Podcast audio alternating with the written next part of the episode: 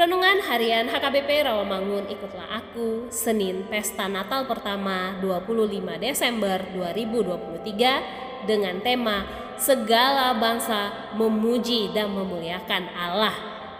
Epistel pada hari ini diambil dari Mazmur pasal 148 ayat 1 sampai dengan ayat 14 dan khotbah kita pada hari ini diambil dari Lukas pasal 2 ayat 15 sampai dengan ayat 20.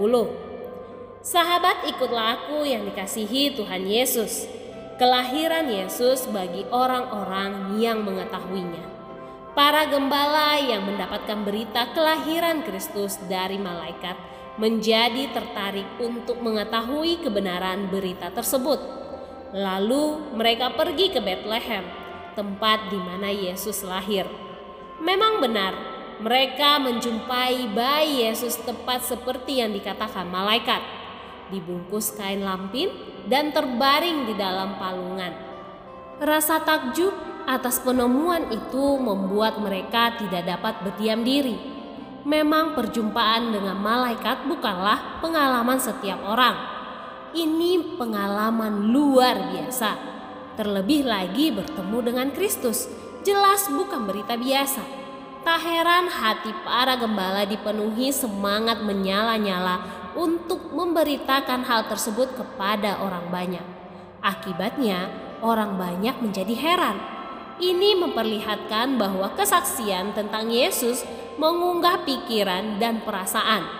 Kesaksian yang tidak biasa karena menuntut jawaban yang tidak biasa, yaitu entah percaya kepadanya atau menolaknya.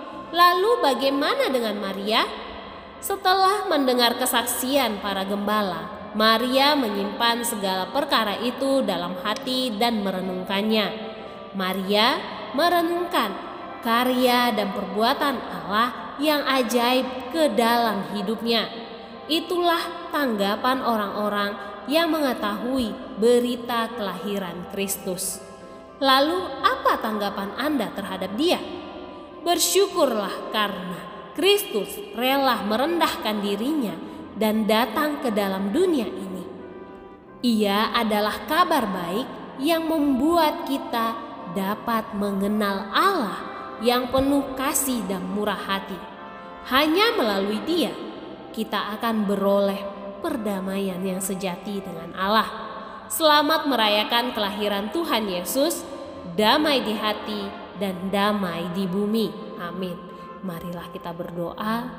Ya Tuhan Yesus, tetaplah Engkau lahir di hati kami, memberikan kedamaian dan sukacita buat keselamatan bagi umatmu manusia. Amin.